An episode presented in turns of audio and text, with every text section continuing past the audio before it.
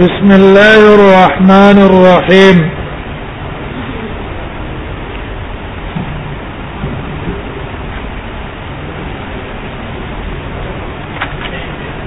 باب ما جاء في الاجتهاد في الصلاه باب بیان د هغه حدیثو کې چې پاکي ترغیب راغله ده په کوشش کولو په عبادتو کې یو سره په عبادتو کې ډېر کوشش وکي او د الله عبادت کوي تر دې ځان پای کې ستړی کی مدازان ستړی کول په عبادت کې بهترین عمل دی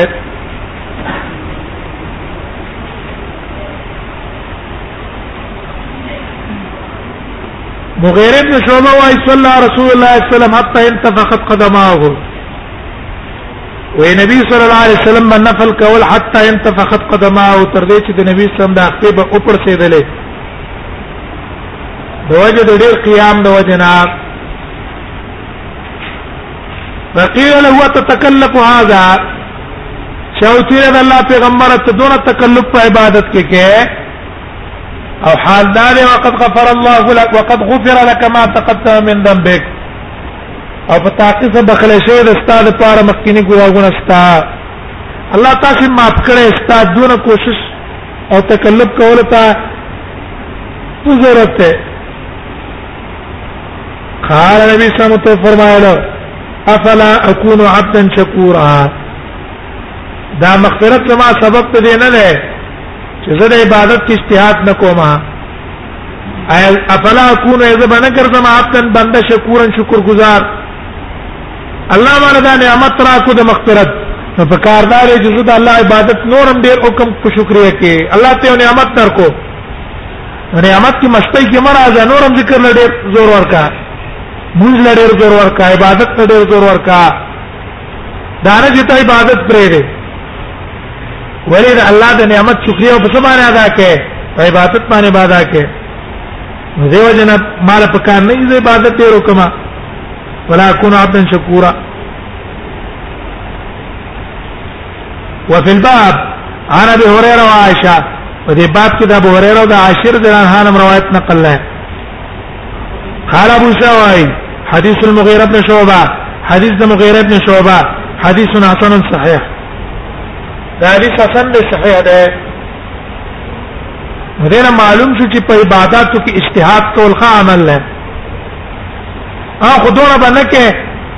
امن راغلی دا غدې وجنه چې داغه د خپل وس نه ډیرو حد نه بار اوزي ابه پرستړی شي او د خپل نشاط نه خبره بار توزي باو ما جاء ان اول ما يحاسب به العبد يوم القيامه الصلاه باب بیان د دې کې چې اول هغه شی چې حساب په پکې د بنده سره پورز د قیامت الصلاه منځ وي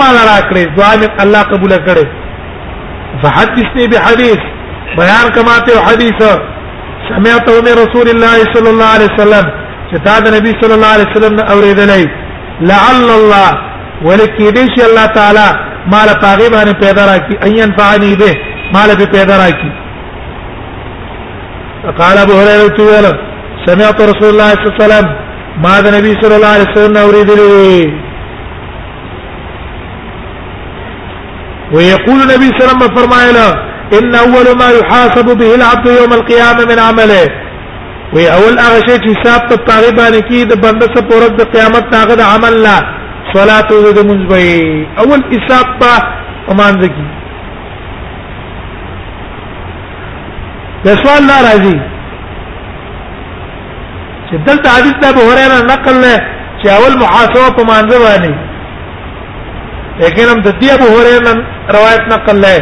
اول ما يقضى به يوم القيامه الدماء اول قضا بکی په اینو کې او اول اول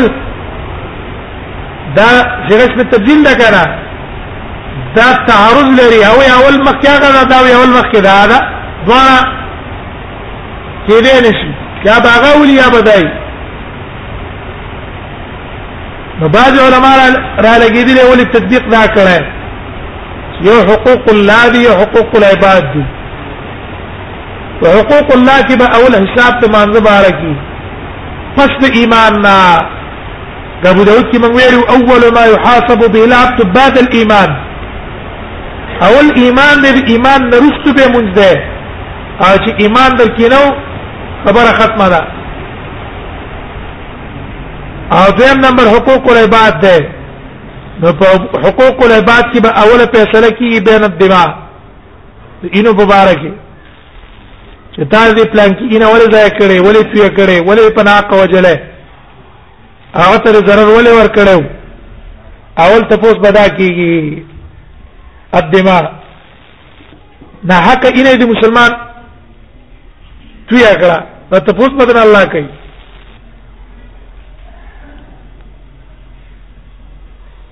او دا اینه تیل په قتل هم ني سره د مرکو دا دقه چې په چاقو دی وو په لرګي باندې دی وو ډېر طالبان نشي په لرګو باندې وال کوي ته جره کا پلار نکي ول مر کړي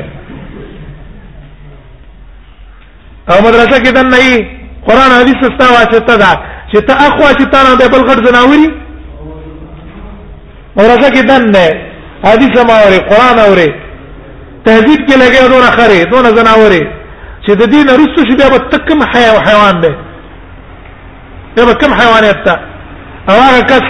چې دواړه راوتري د الله په لار کې علم نه راوتري دین طلب نه راوتري او په څه باندې جنگ دی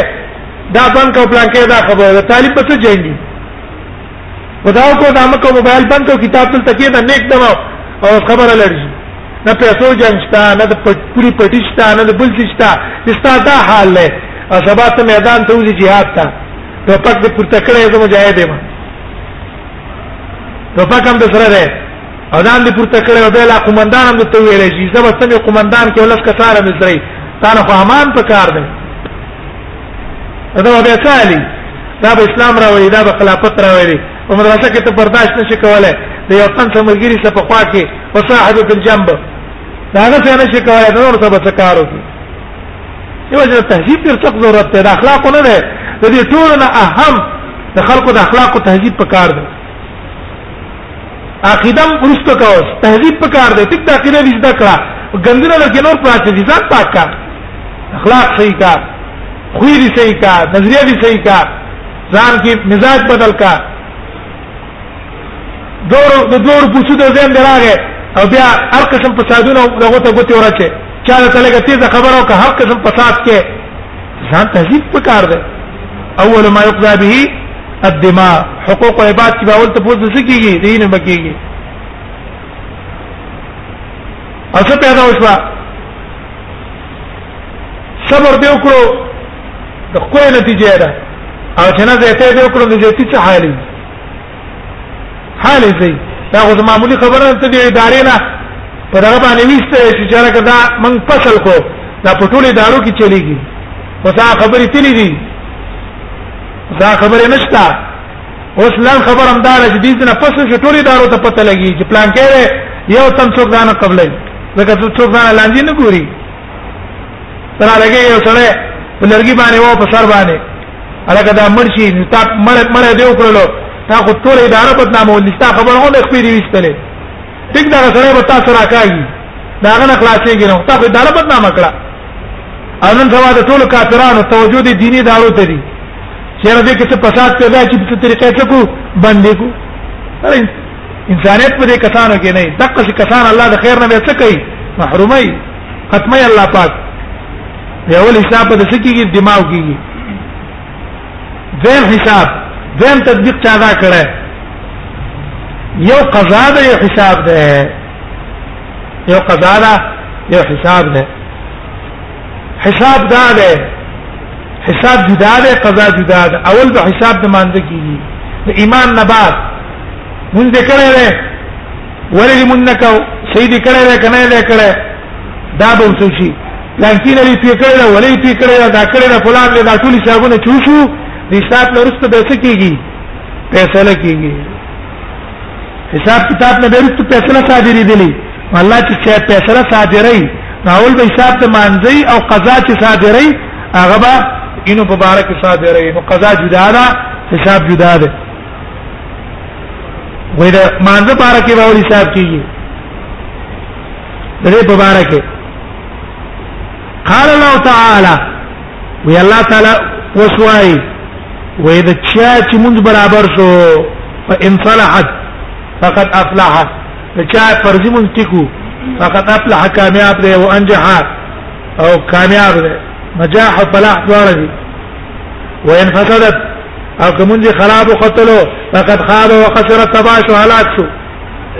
فإن انتقص من فريضته شيئا کته کم کو د خپل فرض نشي انت شي فرض مانځ کې تر اوستو نقصان راوستو قال الرب تبارك وتعالى الله بو انظروا له هل لعبد من تطوع وګوره زما د بنده د پاره څنګه پر څه کنه دا نقصان څه دی د کولې د علما ابو داود کې مو ویل یو قول دا دی چې دا نقصان دی په مستحبات فرض مونږ کې دی واجب په فرایض د مستحباتو کې نقصان راوسته نو فرض نفل نه ویل پوره کی زم قول لا ده چې نه دا نقصان دی برا سي اثر فرض مونږ کړه نه ده الله مو عزت نه په لور فرض په ځای څه کوي پوره کوي او اذا الله رحم سره فراخ ده الله چې څه کوي هغه کوي د فرض په ځای د خلکو نه خپل قبلای او په غیر د فرض نه الله چې غواړي سره معاف کوي جزا بس معاف نه کوي فیکمل بها من تقص من الفریضه نو پورا بکړی شي هغه سره کوم چې کم کړی د فرض نه ثم يكون صائر عمل على ذلك باقي اعمال بندقه چلےږي وفي الباب تميم الداري دې باب کې تميم الداري نه روایت نقل ہے قال ابو سعيد ابي اور رضي سنا سنا غريب من هذا الوجه وقدر هذا الحديث من غير هذا الوجه فذا نور طريق نقل سيد ابي هريره وقد روى بعض اصحاب الحسن الحسن عن قبيسه وبعض اصحاب الحسن الحسن ما نقل كلام قبيس بن زهير غير هذا الحديث د دې حدیث نه بغیر بل ته نقل کړي هو المشهور هو قبيص ابن حريث ودا زهيب نه ده بلکې دا ابن حريث ده وروي عن انس بن حكيم عن ابي هريره النبي صلى الله عليه وسلم نحو هذا غنم دقه نقل شيء باو ما جاء في من صلى في يوم وليله سنتا عشرکا وزیدنا ترغیبات د سنت بیان ای چې سره د ورځې د ټول سرکات سنت کې د فضیلت وای من صلى في يوم وليله چا چې وکړه په ورځ کې دولس رکعاته د سنت ما له من الفضل الله بدل کوم فضیلت ورکړي دا غي فضیلت بیان دی دا عائشہ رضی الله عنها روایت ته رسول الله صلی الله علیه وسلم فرمایي من صابر صابر په معنا څه دا وما چا چې امشګری وکړه علا سنته عشره وې په دولت رکعات باندې میرا سنت د سنتونه دولت رکعات سنت کول بن الله له بیتن فی الجنه الله بدر پار په جنت کې کور جوړ کړي الله با جنت کې له کور جوړ کړي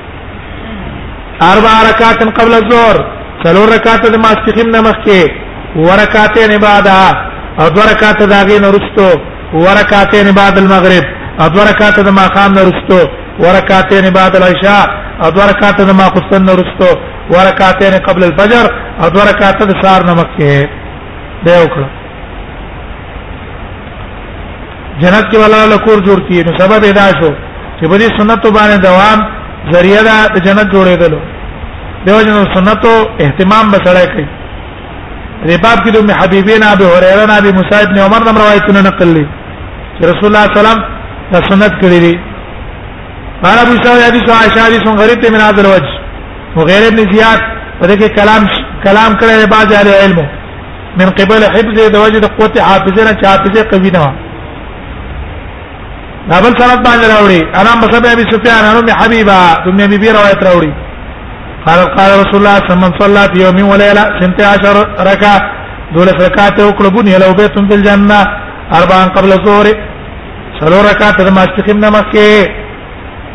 هغه څلور به په دوه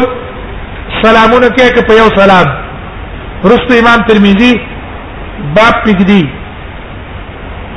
عام ولا احناف علماء وايي چې بهتر دا چې په دوه په یو سلام یو کې د اربعان نه استدلال کړه اربعان قبل الظهر دیم روایت ابو داود ته ابو داود کی باب کی دي او حدیث پر اوړي اربعا قبل الظهر ليس فيهن تسليم څلور رکعات د ماسپخیم نه وکړو پاکي سلام ګرځول لو غره پاکي قید ته ليس فيهن تسليم سلام پکې نه ها دا نور علما هغه د دوه رکعات بهتر دی د اختلاف پر فضیلت کې ده د وجه د حدیث نه صلات الليل والنهار مسنا مسنا لیکن دا نور علما اولنی علما هغه وی چې دا لفظ د نهار پکې په دې حدیث کې څه ده په دې کې کلام شته اصل کې صلات الليل مسنا مسنا ده د شپې او دوه برکاته به تر دي راجح هغه دا ده چې څلور رکعات په یو سلام وکړي چې دا به تر دي ليس فين تسليم والا روایت پکې شته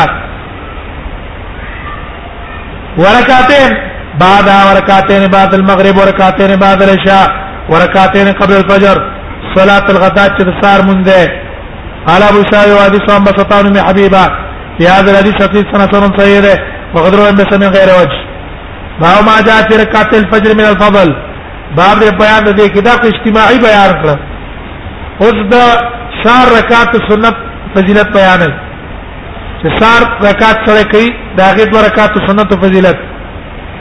زراره ابن ابي وفاد صاحب ابن شان روایت نقل کړی دا عائشه نه قال قال رسول الله صلی الله علیه وسلم فرمایي رکعات الفجر خیر من الدنيا وما فيها دوه رکعات د سار سنت دا د دنیا را هغه چې په دنیا کې غوړه دي څه مطلب دنیا دا ټول مالونه ته د الله په لار کې خرج کړي دا غي په خرج په نسبت باندې دا دوه رکعات ثواب پکې ډېر دی وجه دا ده چې د دې نه فقې غرض څه ده ساعت او دلته په دوه رکعات کې به نه هیله الله ته څه ده ساعت او تزرور ده وفي الباب عن علي وابن عمر وابن عباس قال ابو شاوي حديث عائشه حديث حسن صحيح وقد روى احمد بن حنبل عن صالح بن عبد الله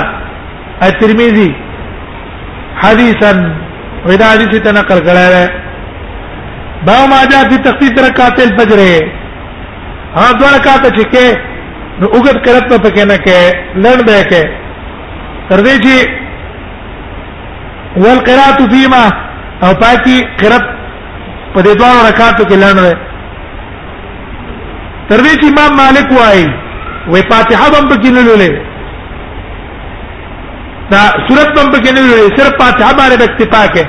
صورت هم پکې نه لولې وای زکه وای حدیث د عائشې کې رسول الله صلی الله علیه وسلم بده چلان ډوکړو چې ما ته پته ونه لګېدل چې رسول الله پکې قرات کو کوي نه کو لیکن دا نور علما وایي چې نه فاتحه هم پکې کې قرات هم پکې کې او پاکه غرض د عائشې داره چې لړډې کړې دي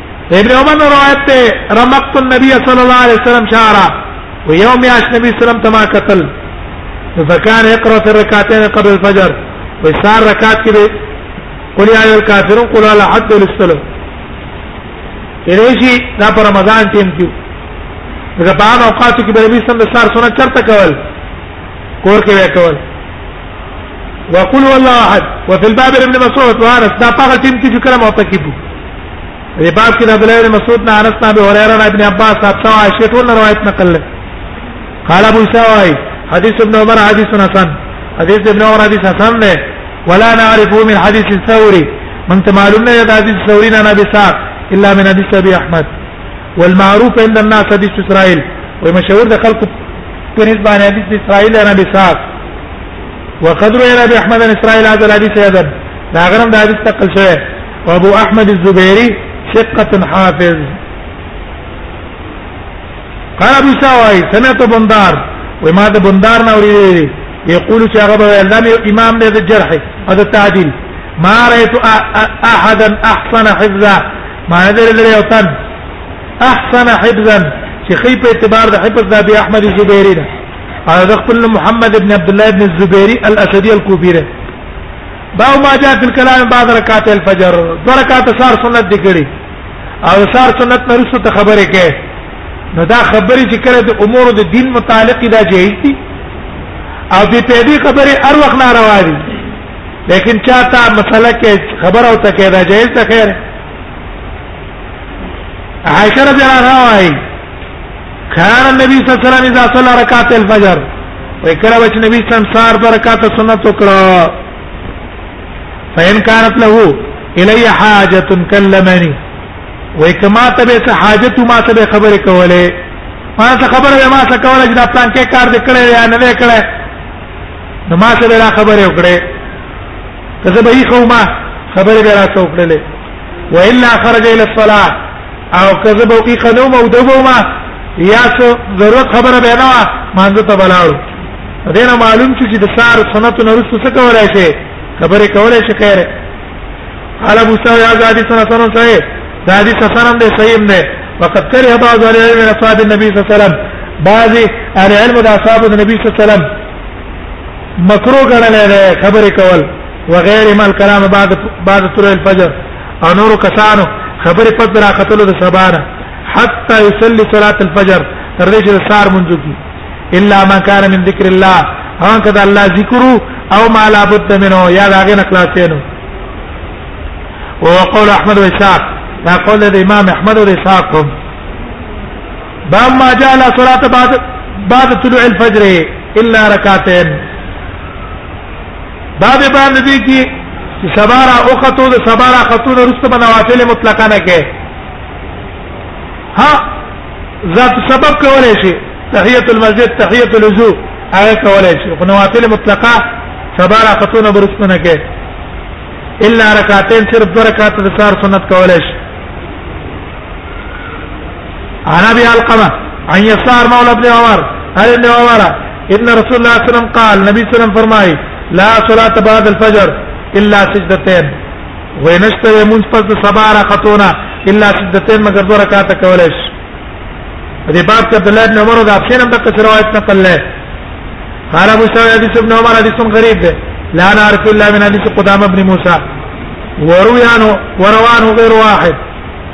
او ډیرو کسانو ته نقل کړی دی او هو ما اجماع علی العلم چې د ټول علماء اجماع ده چې کریو هغه دا خبره بده کړنه نه انسان الرجل بعد طلوع الفجر چې سره د سبا را خاتون رسو منځ کی الا رکعت الفجر مگر دو رکعت د سار ومعنى هذا الحديث ومطلب دې حدیث دا انما يقول لا صلاه بعد طلوع الفجر الا ركعت الفجر شار سنت کولای شي نور باندې کې باو ما جاء فی الاستجاع بعد رکعات الفجر دو رکعات شار سنت یو کو دا غیر رسو ډړه لګي دا ډړه لګول څنګه دي په دې کې ډېر اقوال دي د علماء او تقریبا شپږ قوله تر شي یو قول ابن حزم دی هغه واجب دي خامخا به ډړه لګي کله دې ونه وي مونږ نه کیږي د سات هغه یې ځکه امر تر راغلی دی فل استجع دیم قول د جمهور علماء دی هغه دا ډډه لګول مستحب دي سنت دي و دې لګول به لګوا ته و دې نه لګول به لګوا استحباب ته پر دلیل دا الا استجاع رسول الله بغړا لګولا او عدم وجوب ته پر حدیث عائشه ده رسول الله صلی الله علیه وسلم ما څخه خبره وکړه او که زما څخه خبره ونه کړې الا استجا غړې ولا غولا دښوا دریم قول دا عبد الله بن مسعود نه نقل لای عبد الله بن عمر نه نقل لای دا بدعت ته بدعت عبد الله بن مسعود دا بدعت چا پیدا کړو چې په جماعتونو کې دی وړل لګي عبد الله بن عمر یو سره په کار یې سی وشته ورل تر راشه دا بدعت ته ول اختیار کړی دی دا وړي لګي ودا سنت دی ودا سنت نه دا بدعت ته وګوره دا کی مصنف ابن ابي شيبه دې اقوال نقل کړي په بدعتو چې دا بدعت ته ندرم څورم قول چا دا کړی چې چا تعجب کړی هغه دی لګي او چا تهجد نکړي دا لپاره استجانه نشته پنځم قول نه ده چې په کور کې لګول پکار دي په جمعات کې نه دي لګول پکار وای وجه دا ده چې استجاب په عائشه نقل کړي په کور کې او عبد الله ابن عمر عبد الله ابن مسعود ته بدعت ویل چې په جمعات کې استجاب ویل دي به څه نه کوله دا غړ صحابه دي هغه ته بدعت ویل معلوم چې په جمعات کې استجاب نه پکار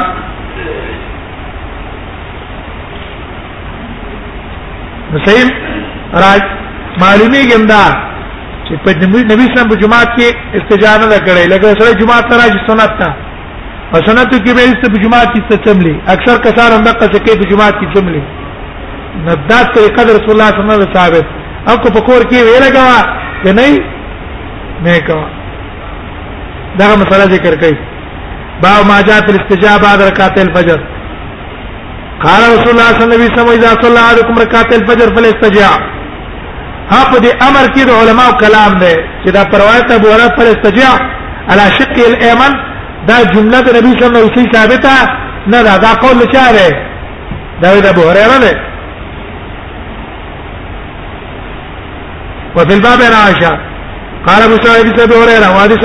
حديث سنه صحيح غريب من هذا الوجه وقد روى عائشه ان النبي صلى الله عليه وسلم